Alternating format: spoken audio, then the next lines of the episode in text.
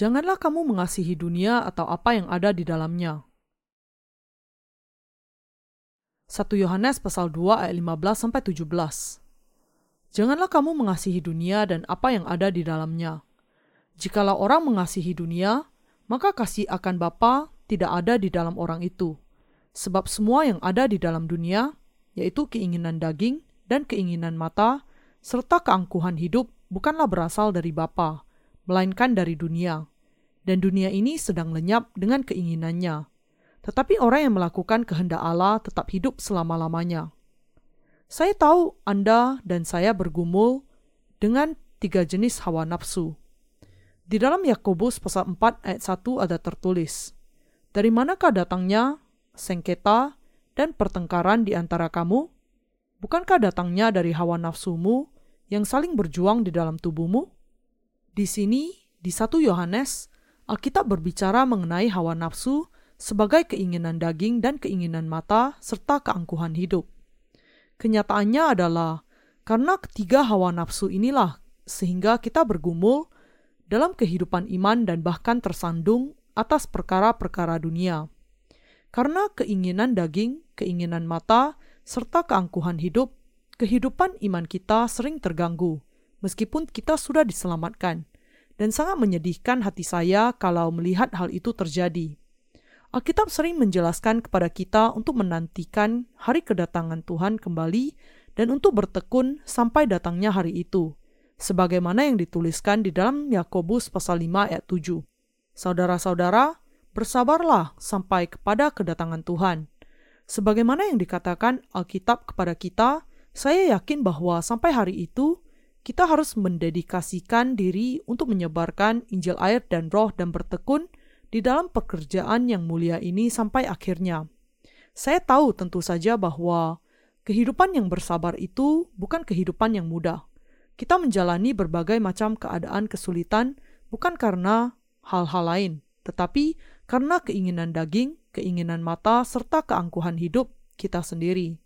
Tentu saja, mungkin Anda menganggap tiga hal ketamakan ini tidak ada hubungannya dengan Anda, tetapi untuk sungguh-sungguh berperang melawan semuanya itu dan mengikuti Tuhan bisa menjadi sangat sulit dan menyakitkan.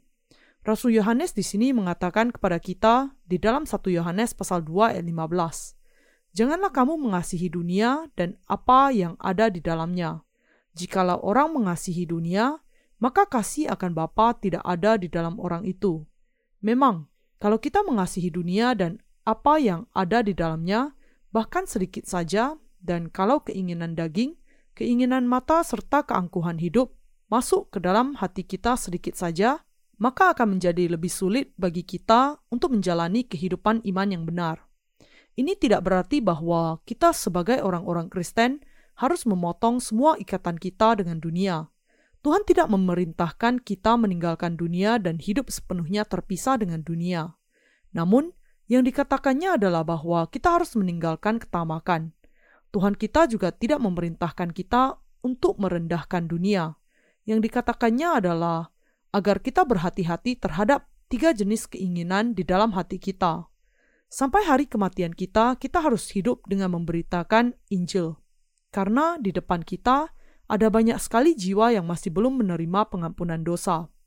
Namun ini bukan tugas yang mudah sungguh-sungguh sulit untuk memberitakan Injil air dan roh kepada semua manusia sebelum hidup kita berakhir. Meski demikian, tidak peduli kapan pun Tuhan datang kembali, dan tidak peduli kapan pun kita pergi dan menghadap hadiratnya, kita tetap harus memberitakan Injil air dan roh sampai hari itu datang. Saya bersyukur kepada Tuhan yang menempatkan kita di gerejanya, melindungi kita dengan pagar rohani, dan memampukan kita untuk memberitakan Injil air dan roh karena kita adalah sedemikian rupa, sehingga jika hati kita tertarik kepada dunia sedikit saja, kita tidak akan bisa melayani Injil lagi. Saya melihat bagaimana sulitnya memelihara hati yang beriman. Saya rasa lebih sulit daripada harus mengerjakan pekerjaan yang berat secara fisik. Pekerjaan fisik tidaklah terlalu berat, dan juga tidak terlalu berat untuk menjalani kehidupan di dunia ini. Kita hanya perlu melakukan apa yang harus dilakukan. Tetapi hati yang menjauh dari Allah adalah kutuk yang paling besar, dan inilah yang begitu bermasalah dan sangat mengganggu. Karena itu, Alkitab menasehati kita, jagalah hatimu dengan segala kewaspadaan, karena dari situlah terpancar kehidupan. Amsal pasal 4 ayat 23. Meski demikian, karena Tuhan kita sudah menghapuskan segala dosa kita, saya yakin bahwa kalau kita tidak jatuh ke dalam ketiga hawa nafsu itu, maka hal itu tidak akan menjadi masalah yang tidak terpecahkan.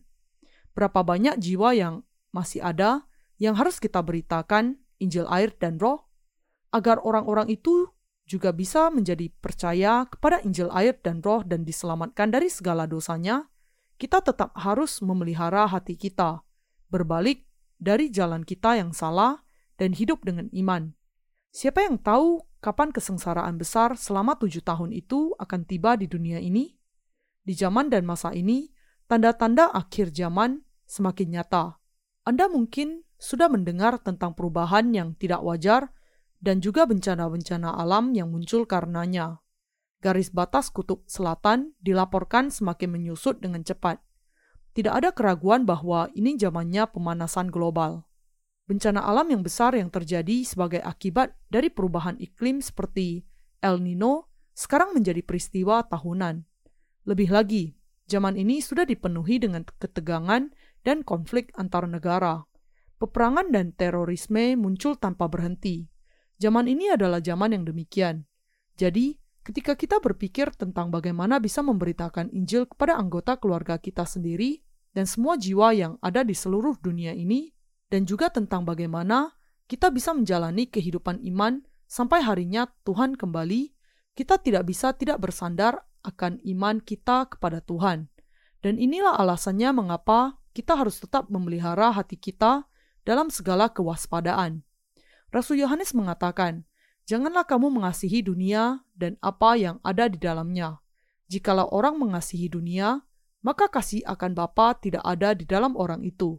Sebab semua yang ada di dalam dunia, yaitu keinginan daging dan keinginan mata, serta keangkuhan hidup, bukanlah berasal dari Allah, melainkan dari dunia, dan dunia ini sedang lenyap dengan keinginannya.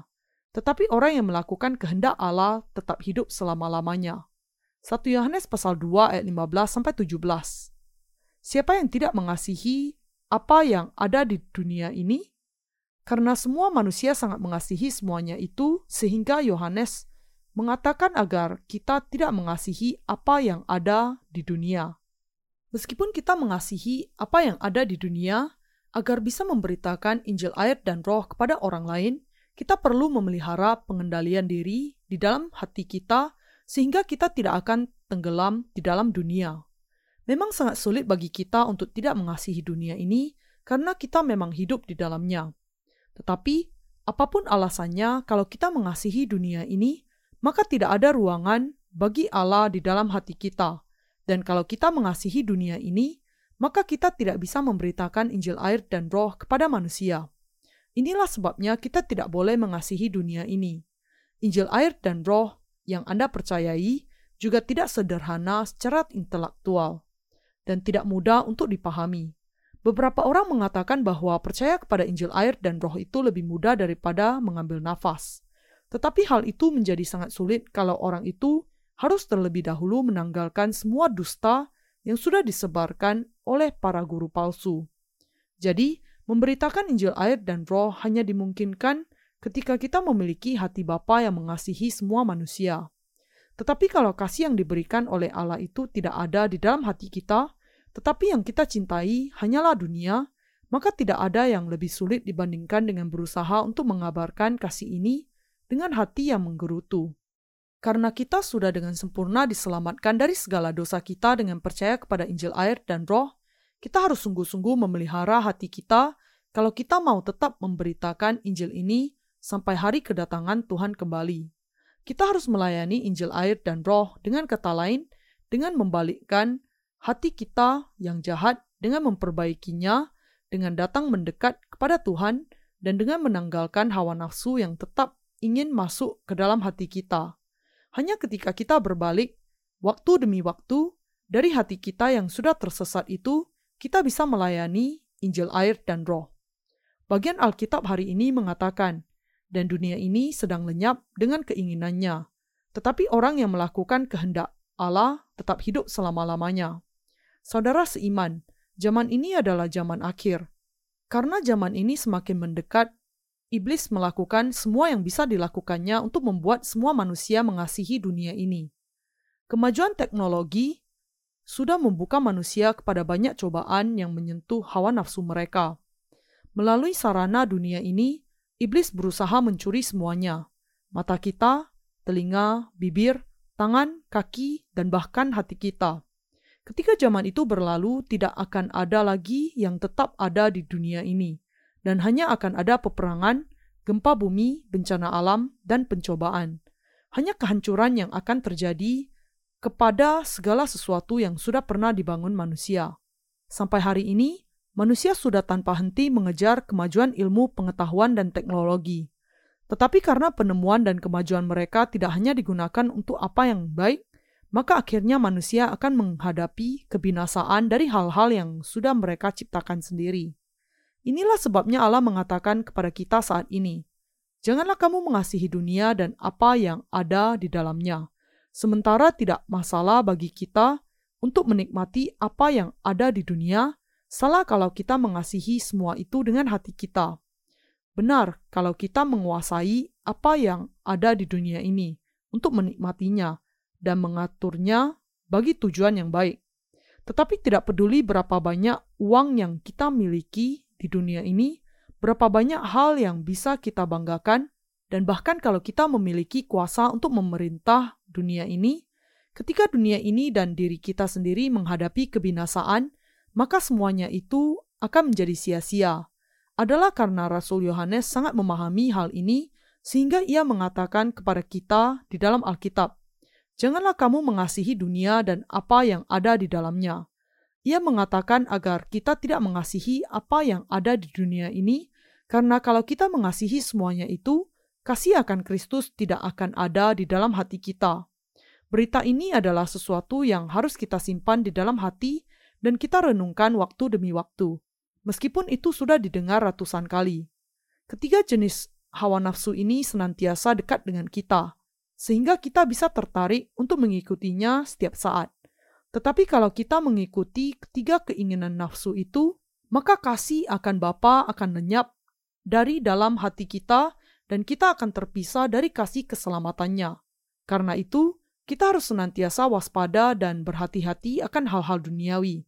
Dan daripada mengasihi semuanya itu, kita harus semakin menyerahkan hati kita untuk penyebaran Injil air dan roh. Apa yang paling Anda dan saya butuhkan di zaman dan masa ini? Apakah masalah terbesar yang sekarang ini Anda dan saya hadapi? Godaan untuk mengasihi dunia. Kalau ada yang salah di dalam hati kita dan sekarang kita hidup oleh iman hanya dalam sisi lahiriah saja, maka ini berarti bahwa kita sedang melayani paling tidak salah satu dari ketiga hawa nafsu itu, keinginan daging, keinginan mata, serta keangkuhan hidup. Kalau kita mengikuti dunia demikian dan mencari pemenuhan hawa nafsu kita sendiri, kita tidak akan bisa menjalani kehidupan iman yang benar, dan akibatnya kita akhirnya akan binasa bersama dengan keluarga kita. Jadi, kita harus waspada dan berhati-hati akan ketiga hawa nafsu kedagingan itu. Meskipun hawa nafsu yang demikian ada di dalam hati kita, kita harus memahami bahwa itu bukan berasal dari Allah. Hawa nafsu kedagingan, dengan kata lain, berasal dari dunia dan iblis. Lebih lagi, keinginan atas sesuatu tidak berarti bahwa hal itu dapat dipuaskan ketika kita bisa mengejarnya. Hanya ketika Allah Bapa mengizinkan kita untuk memiliki sesuatu sajalah, kemudian hal itu menjadi milik kita. Alkitab menegaskan, jikalau bukan Tuhan yang membangun rumah, sia-sialah usaha orang yang membangunnya. Jikalau bukan Tuhan yang mengawal kota, sia-sialah pengawal berjaga-jaga. Mazmur pasal 127 ayat 1. Jadi, kalau hati kita memiliki hawa nafsu, maka itu tidak ada gunanya. Dan adalah bijaksana bagi kita kalau kita mewaspadai ketamakan yang demikian dan menaklukkannya. Kalau kita ingin memelihara kehidupan iman kita sampai hari kedatangan Tuhan, kita harus ingat satu firman Allah di sini. Janganlah kamu mengasihi dunia dan apa yang ada di dalamnya. Hanya kalau kita ingat akan perintah Allah ini saja, kita bisa memelihara kehidupan iman kita sampai hari kedatangan Tuhan.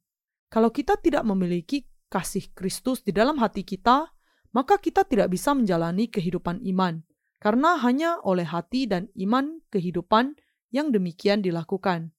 Inilah sebabnya kita harus menyingkirkan kasih akan dunia, sehingga kasih akan Kristus bisa berkembang di dalam hati kita. Hanya ketika kita menyingkirkan kasih akan dunia yang demikian sajalah kemudian kasih akan Bapa bisa tumbuh di dalam hati kita, dan kita bisa tetap melayani Tuhan mengikuti dia dengan kerelaan, menghasilkan buah-buah rohani dengan dia, dan menerima kesuburan bumi ini, berkat yang berlimpah, dan perhatian dari Allah Bapa juga. Agar kita diberkati, baik di dalam jasmani maupun rohani kita, kita jangan sampai mengasihi apa yang ada di dalam dunia, tetapi kita harus mengalahkan keinginan daging dan berbalik dari situ sebenarnya tidak terlalu sulit untuk hidup oleh iman. Kita bisa menjalani hidup iman kalau kita tetap memelihara hati kita dalam segala ketekunan. Tetapi kalau kita tidak melakukannya, maka semuanya akan menjadi runtuh. Saat tahun berganti, demikian juga kita semakin dekat menjelang hari kedatangan Tuhan. Akan tetapi, nampaknya kita masih saja tertidur dan semakin mengasihi dunia, sementara sebenarnya kita seharusnya menantikan Dia. Di dalam perumpamaan tentang sepuluh anak darah yang menantikan mempelai pria, bahkan lima anak darah yang bijaksana juga tertidur. Di zaman akhir ini, seluruh dunia nampaknya sedang tidur, seperti semua anak darah itu. Akan tetapi, mari kita membuang kasih akan dunia dari hati kita. Mari kita menjalani setiap tahun dengan melakukan pekerjaan Tuhan, menerima banyak berkat dari Dia, dan menghasilkan buah roh yang berlimpah yang menyelamatkan banyak jiwa. Dan kemudian, mari kita semua bertemu dengan Tuhan dalam sukacita yang besar. Kalau entah bagaimana Anda merasa sesak dan terhimpit di dalam hati Anda, sementara Anda menjalani hidup iman Anda, dan Anda mendapati bahwa Anda merasakan kosong di dalam batin, sementara lahiria Anda melayani Tuhan, maka pastilah itu karena hati Anda mengasihi dunia, dan karena itu tidak ada kasih Bapa di sana. Tidak ada alasan lain. Tuhan kita ingin berdiam di dalam kita dan berjalan dengan kita. Kalau kita mengasihi dunia, Allah Roh Kudus di dalam hati kita akan menjadi cemburu dan mengatakan, "Aku tinggal di dalammu, tetapi kamu belum puas dengan aku?" Karena Tuhan di dalam diri kita adalah Roh Kudus, ketika Tuhan kita marah dan terluka, maka tubuh jasmani kita juga akan terluka. Dan sebagai akibatnya, kita menjadi pemarah dan tidak sabar, bahkan akan perkara yang kecil sekalipun, dan kita menjadi keras hati serta buta secara rohani. Dengan demikian, kita harus menyingkirkan kasih akan dunia di dalam hati kita, meminta apa yang kita perlukan dengan iman, dan menggenapkan peranan kita sebagai pelayan dengan mengelola apa yang kita miliki dengan bijaksana. Kita juga harus mengasihi Kristus, menjalani kehidupan yang diberkati, dan menerima banyak berkat jasmani dan rohani dari Dia dan membagikannya dengan sesama kita sampai hari kita bertemu dengan Tuhan. Kalau kasih akan dunia mulai merayap di dalam hati Anda atau saya, mari kita terus menyingkirkannya. Nampaknya kita akan harus melakukannya paling tidak sekali seminggu. Sementara sekali diselamatkan, kita selamanya diselamatkan, kita masih tetap perlu terus-menerus menyaring endapan yang demikian dari dalam hati kita. Itu pasti akan terjadi karena kasih akan dunia atau karena tiga hawa nafsu daging akan muncul di dalam hati kita. Di dalam hati kita ada endapan kasih akan dunia. Ini bukan hanya milik Anda dan saya, tetapi semua manusia memang demikian. Karena itu, bagaimana kita bisa menjalani kehidupan kita dengan iman? Sama seperti rumah menjadi bersih karena kita mengepel dan menyapunya setiap hari, adalah dengan membersihkan hati kita dari kasih akan dunia ini yang membuat kita bisa terus menjalani kehidupan iman kita. Sebelum hari raya Paskah terjadi, bangsa Israel harus membuang roti yang beragi dari rumah mereka. Keluaran pasal 12 ayat 15. Tuhan mengatakan, Berjaga-jagalah dan waspadalah terhadap ragi orang Farisi dan Saduki. Matius pasal 16 ayat 6. Dia memperingati agar kita menjauh dari legalisme dan sekularisme. Kalau kita mengizinkan hati kita untuk mengasihi dunia ini, bahkan sedikit lagi saja akan mencemari hati kita, dan kita akhirnya akan menghadapi murkanya. Karena itu, kita perlu menyapu semua kasih akan dunia dari dalam hati kita. Berpikir tentang bagaimana Tuhan sudah menyelamatkan kita, bagaimana Tuhan Juru Selamat sudah memberkati kita, apa yang berkenan kepadanya, dan untuk tujuan apa Ia sudah menyelamatkan kita. Dan meskipun kita mungkin tidak bisa melakukan perkara yang besar, tetapi kita melakukan apa yang berkenan kepada Tuhan, meskipun kecil, kemudian kita akan bertemu dengan Tuhan. Berhati-hatilah dengan kecantikan anak manusia.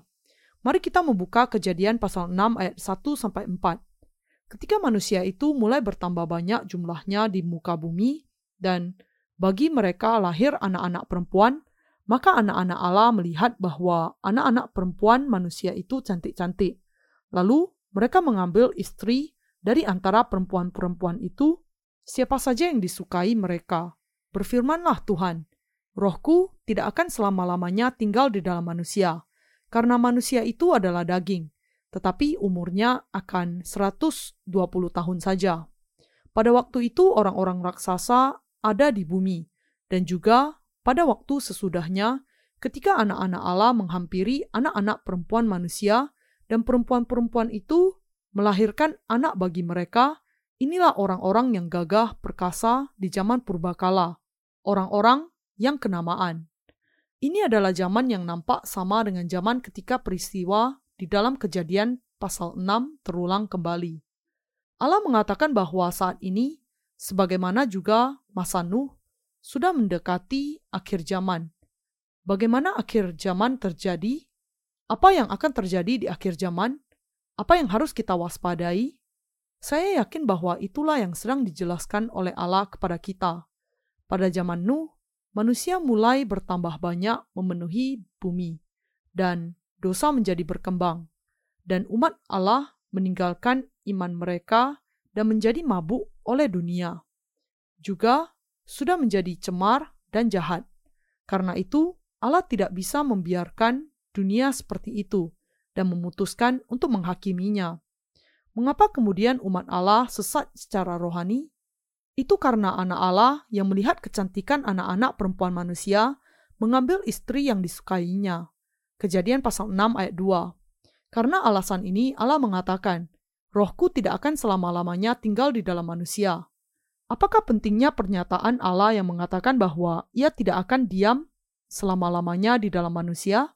Kita perlu merenungkan mengapa Allah meninggalkan manusia pada zaman itu, dan kita perlu merenungkan apa sebenarnya maksud dari bagian ini. Allah sudah sangat menegaskan bahwa anak-anaknya akan dicemari oleh kecantikan anak-anak perempuan manusia. Semua manusia adalah keturunan Adam. Keturunan Adam ini dilahirkan sebagai tumpukan dosa tetapi di antara mereka ada yang dilahirkan kembali dan ada juga yang tidak. Sejalan berlalunya waktu, dunia ini kemudian dihuni oleh banyak manusia. Tetapi karena banyak di antara mereka yang tidak mau percaya dan justru mengikuti jalan dunia, manusia kemudian dibagi menjadi dua golongan. Mereka yang percaya kepada Allah dan mengikutinya, dan orang-orang dunia yang menjadi milik dunia. Pada zaman Nuh, dosa begitu berkembang di seluruh bumi sehingga bahkan anak-anak Allah juga terpedaya oleh kecantikan anak-anak perempuan manusia. Inilah alasannya Allah memisahkan dirinya dari manusia dan kemudian menghakimi dunia ini.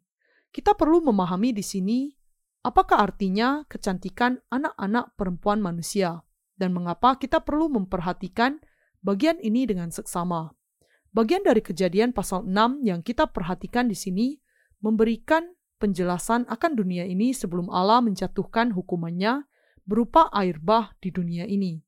Jadi, kita bisa melihat bahwa zaman ini sangat mirip dengan zaman di mana kita hidup sebagaimana ada tertulis.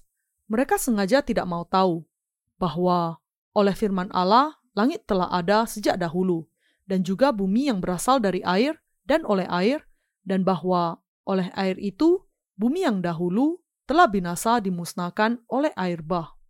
Tetapi oleh firman itu juga langit dan bumi yang sekarang terpelihara dari api dan disimpan untuk hari penghakiman dan kebinasaan orang-orang fasik. 2 Petrus pasal 3 ayat 5 sampai 7. Jadi, apakah artinya ketika dikatakan bahwa anak-anak Allah terperangkap oleh kecantikan anak-anak perempuan manusia dan mengawini mereka, dan bahwa karena hal ini mereka ditinggalkan dan dihukum oleh Allah? Kita perlu terlebih dahulu memahami apa arti kata kecantikan anak-anak manusia itu. Kecantikan anak-anak manusia secara literal berarti kecantikan tubuh. Anak-anak Allah dengan kata lain menjadi mabuk karena kecantikan fisik perempuan. Alkitab mengatakan bahwa pada zaman dulu, di masa perjanjian lama juga banyak orang yang binasa karena mengikuti kecantikan jasmani dan ketertarikan seksual. Kecantikan anak-anak perempuan manusia di sini menunjuk kepada unsur-unsur yang menegaskan kecantikan jasmani seperti tinggi badan, kaki yang panjang, tubuh yang ramping, lekuk badan yang indah, bentuk tubuh yang menarik, mata yang indah, hidung yang mancung, bibir yang seksi, dan lain-lain. Jadi, melihat hal yang sangat memuaskan mata jasmani demikian, anak-anak Allah teracuni oleh mereka dan mengambil anak-anak perempuan manusia sebagai istri mereka. Di sini kemudian di zaman dan masa ini kita perlu sungguh-sungguh menguji Apakah kita anak-anak Allah yang sudah dilahirkan kembali dari air dan roh juga bisa terpikat oleh kecantikan anak-anak perempuan manusia dan terikat dengan mereka? Tanpa mengenali diri sendiri, kita bisa saja mengatakan bahwa itulah keadaan kita. Tetapi kita harus dengan sungguh-sungguh menguji diri apakah kita memang tanpa disadari sedang terbawa oleh kecantikan anak-anak perempuan manusia dan menemukan apa yang seharusnya kita lakukan. Apakah ada kemungkinan anak-anak Allah jatuh ke dalam kecantikan anak-anak perempuan manusia? Ini sangat mungkin. Sebenarnya, dari sudut pandang rohani, kecantikan yang demikian tidak ada artinya. Ketika kita melihat ke dalam dasar sudut pandang Alkitabiah, kita mendapati bahwa kecantikan jasmani demikian tidak ada nilainya. Tetapi ketika kita tidak memiliki pemahaman Alkitabiah ini, Dunia nampak sangat indah, dan kita sering sekali menghadapi banyak percobaan. Manusia di dunia ini lebih memilih kaki yang panjang dibandingkan dengan kaki yang pendek, dan mereka menganggap bahwa tubuh yang tinggi, ramping, namun berisi dengan lekuk yang bagus itu sebagai kecantikan. Mereka begitu tertarik dengan figur yang demikian sampai hal itu memenuhi pikiran mereka, bahkan ketika mereka tidak sedang secara sengaja memikirkannya. Namun sebenarnya keadaan yang demikian juga tidak ada nilainya. Sebagaimana Cleopatra akhirnya tunduk kepada kematian dan kemudian menjadi tidak ada apa-apanya. Dan sebagaimana bunga yang indah akan menjadi kering pada waktunya, tidak peduli bagaimanapun cantiknya seorang perempuan di dunia ini, ketika ia juga menjadi tua dan mati, semuanya akan berakhir sia-sia. Karena bahkan manusia yang paling menarik sekalipun di dunia ini Pujian akan kecantikan mereka hanyalah sekilas, dan hanya bertahan tidak lebih dari beberapa tahun masa kejayaan mereka. Di dalam Perjanjian Lama, anak-anak Allah melihat bagaimana kecantikan anak-anak perempuan manusia dan menjadi mabuk karena kecantikan itu. Mereka mengambil anak-anak perempuan manusia itu menjadi istri dan hidup bersama mereka. Dengan kata lain, anak-anak Allah jatuh cinta kepada anak-anak perempuan manusia dan sudah menjadi satu tubuh dengan mereka betapa besar dosanya ketika manusia jatuh ke dalam kecantikan dunia yang ditentukan untuk berlalu pada akhirnya, dan mereka sendiri juga akan menjadi terikat kepadanya, dan sebagai akibatnya meninggalkan firman Allah yang kekal itu. Mereka yang tidak dilahirkan kembali masih adalah orang-orang berdosa meski mereka melakukan yang terbaik. Dan betapapun cantiknya mereka, perbedaannya hanyalah di permukaan saja. Kita sama sekali tidak bisa membandingkan mereka dengan orang-orang yang dilahirkan kembali. Ketika kita melihat secara rohani orang-orang yang dilahirkan kembali yang paling cantik, untuk tetap masih terpikat oleh anak-anak perempuan manusia yang jiwanya belum dilahirkan kembali adalah sebuah kesalahan besar. Kecantikan daging mungkin mempengaruhi pikiran kedagingan kita, tetapi menjadi kesalahan yang sangat besar kalau bahkan pikiran rohani kita juga dicemari oleh hawa nafsu kedagingan mereka. Ketika saya melihat zaman ini, saya merasa bahwa ini sudah tepat sama dengan masa Nuh sebelum air bah itu. Ketika anak-anak Allah sangat terpikat oleh anak-anak perempuan manusia dan mengambil mereka sebagai istri. Saya bertanya-tanya, apakah di zaman demikian ketika anak-anak Allah dibinasakan karena takluk kepada kecantikan anak-anak perempuan manusia, tidak lain dari zaman yang sedang kita jalani juga. Di zaman seperti ini, ketika umat Allah menjadi satu dengan begitu banyak manusia yang belum dilahirkan kembali, Allah akan menjadi murka.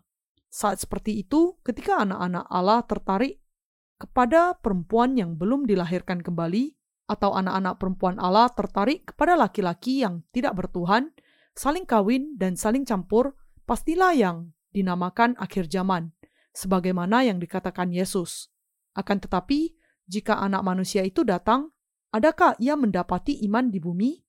Lukas pasal 18 ayat 8.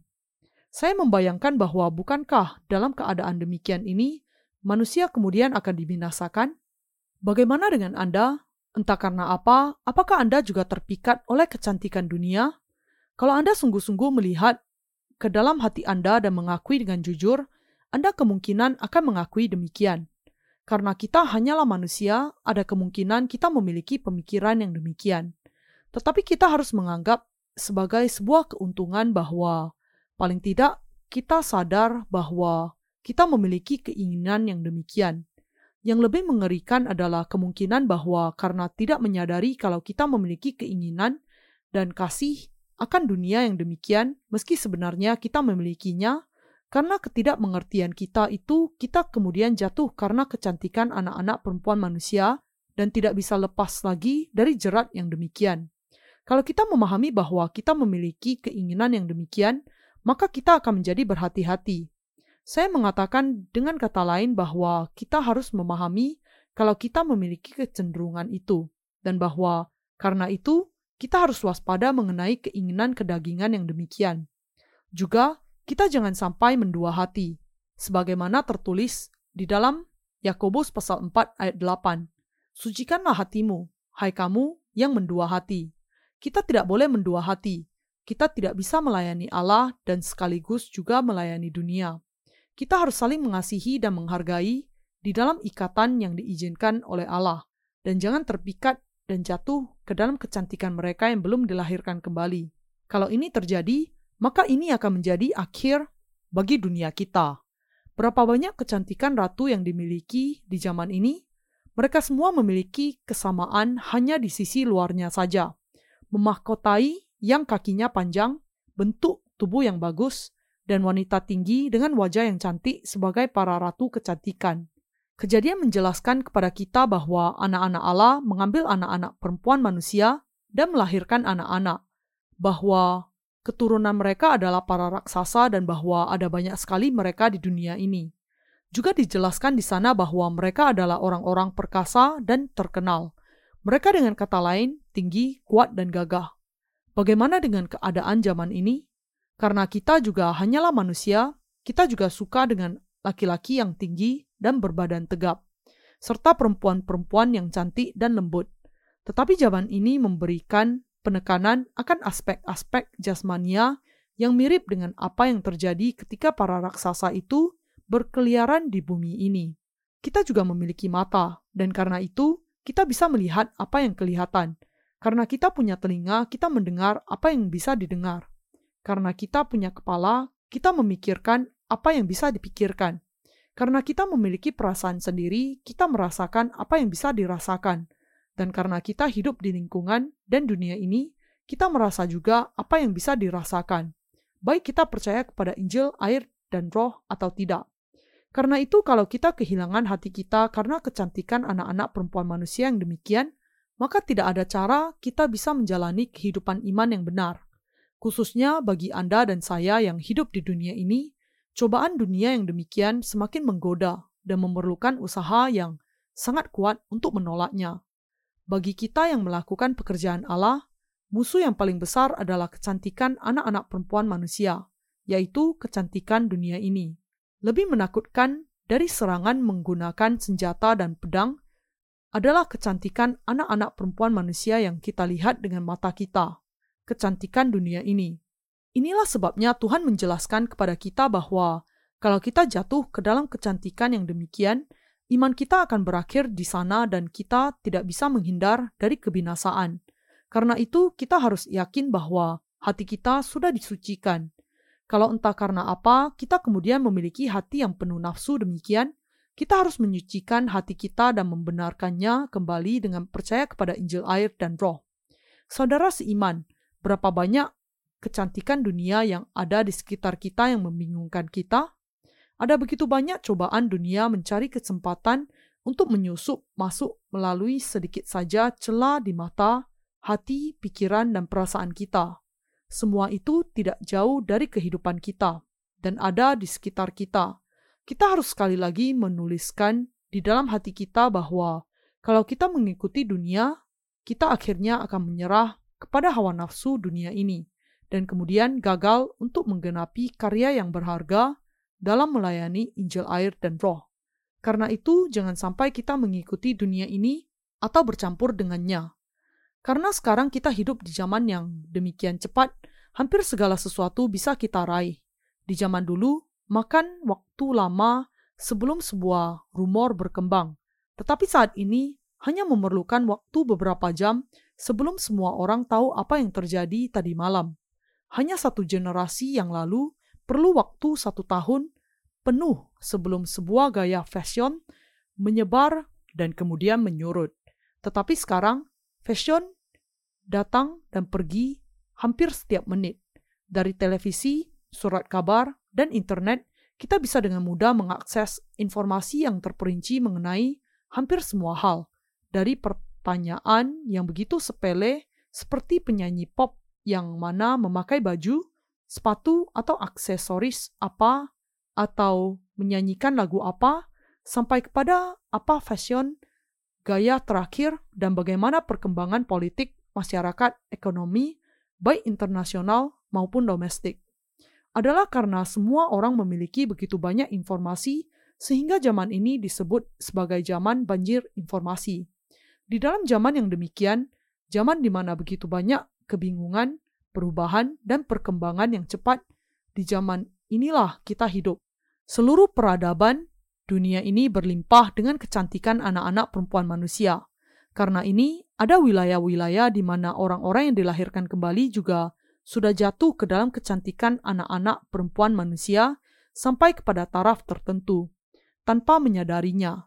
Karena kita mengikuti keinginan daging dan jatuh ke dalamnya, sampai ke batas yang belum terbayangkan sebelumnya, kita tidak memahami keadaan kita sendiri, dan kita mendapati diri kita tanpa kecuali dengan kuat terpaku ke dalam budaya ini. Dan yang lebih buruk selanjutnya adalah bahwa karena tidak memahami hal ini, kita jatuh semakin dalam ke dalam kecantikan anak-anak perempuan dunia ini.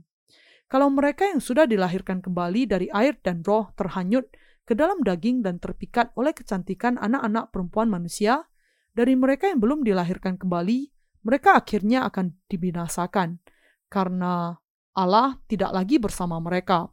Karena itu Alkitab memperingatkan kita, sebab mereka yang pernah diterangi hatinya, yang pernah mengecap karunia surgawi, dan yang pernah mendapat bagian dalam roh kudus, dan yang mengecap firman yang baik dari Allah dan karunia-karunia dunia yang akan datang, namun yang murtad lagi tidak mungkin dibaharui sekali lagi sedemikian, hingga mereka bertobat sebab mereka menyalibkan lagi anak Allah bagi diri mereka dan menghinanya di muka umum.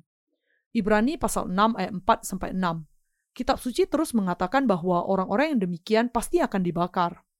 Bagian kitab suci hari ini karena itu menjelaskan bahwa kita jangan sampai mengizinkan hawa nafsu kedagingan untuk dengan mudah mengalahkan kita, dan jangan terpikat oleh kecantikan anak-anak perempuan manusia, dan menunjukkan bahwa kita harus waspada ketika melanjutkan kehidupan iman kita. Apa kemudian yang harus kita waspadai dan kita hindari? Kita harus menghindari dari pikatan kecantikan anak-anak perempuan manusia menjadi satu dengan mereka jatuh ke dalam hawa nafsu daging dan dengan demikian akhirnya terbuang dari pekerjaan Allah. Ini yang harus kita waspadai di dalam hati kita. Apakah Anda tahu bagaimana keadaan zaman Nuh sebelum masa kedatangan air bah? Zaman itu sama dengan zaman ini, sangatlah makmur. Beberapa negara sekarang ini cukup makmur, dan bersama dengan kemakmuran itu muncul juga satu keinginan untuk mendapatkan kecantikan jasmani. Munculnya tindakan dosa mengerasnya hati bangsanya dan kebobrokan moral seksualitas. Sama seperti zaman Nuh juga sangat makmur sampai saatnya kebinasaan. Ada kemungkinan bahwa hal demikian juga akan terjadi di zaman ini. Di seluruh dunia, budaya hedonisme yang tidak tahu malu sangat berkembang dan menyebar melalui banyak sekali sarana yang dipakai, mulai dari film sampai video, lagu, permainan, dan internet. Bahkan di negara yang makmur, industri yang menawarkan kenikmatan dari kecantikan daging ini sangat berkembang dan berhasil, sementara banyak orang terus menderita dalam kelaparan. Dengan melihat sedikit saja gambaran akan zaman ini sudah mengingatkan orang tentang zaman air bah Nuh.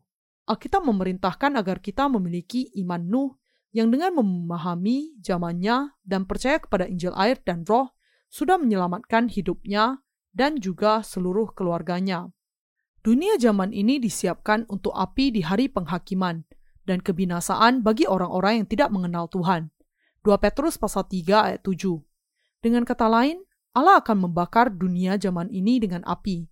Bagaimana dengan zaman ini? Tidak bisa diragukan lagi bahwa zaman ini memang sudah mendekati kebinasaan. Zaman ini adalah zaman yang sangat menonjol dikuasai kecantikan anak-anak perempuan manusia. Dan di zaman inilah ada kemungkinan anak-anak Allah terpikat oleh kecantikan mereka. Kenyataan yang menyedihkan adalah bahwa di antara mereka yang dengan sangat mengakui percaya kepada Allah dan mengikuti Dia juga jauh dari menjadi saksi kepada orang-orang yang tidak percaya, sesungguhnya justru terpesona dan terbawa oleh kehidupan mereka. Kita harus ingat di sini apa yang dikatakan Tuhan kepada kita, bahwa Ia akan datang ketika tiba waktunya di mana anak-anak Allah bukannya memberitakan Injil kepada orang-orang yang tidak percaya, justru terbawa oleh kehidupan mereka dan terpikat dalam kedagingan mereka, mengikuti jalan kehidupan dunia ini. Ketika hal ini terjadi, akhir zaman akan datang. Kita juga harus memahami dan menyadari bahwa kita mungkin jatuh ke dalam kecemaran yang demikian, dan kalau itu terjadi, kita kemudian akan dibinasakan. Kita harus berhati-hati akan jenis cobaan yang ini. Dan sampai hari kedatangan Tuhan, kita harus tetap berjaga-jaga, tetap bangun, berdoa, dan memelihara hati kita. Kita jangan sampai mengikuti kecantikan mereka yang belum dilahirkan kembali dan tergoda oleh dunia untuk membuang semua pekerjaan Allah.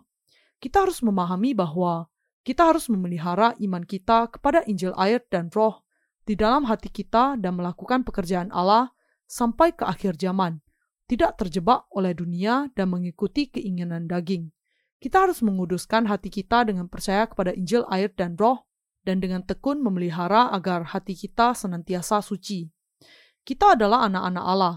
Kita jangan sampai terpikat oleh kecantikan anak-anak perempuan manusia.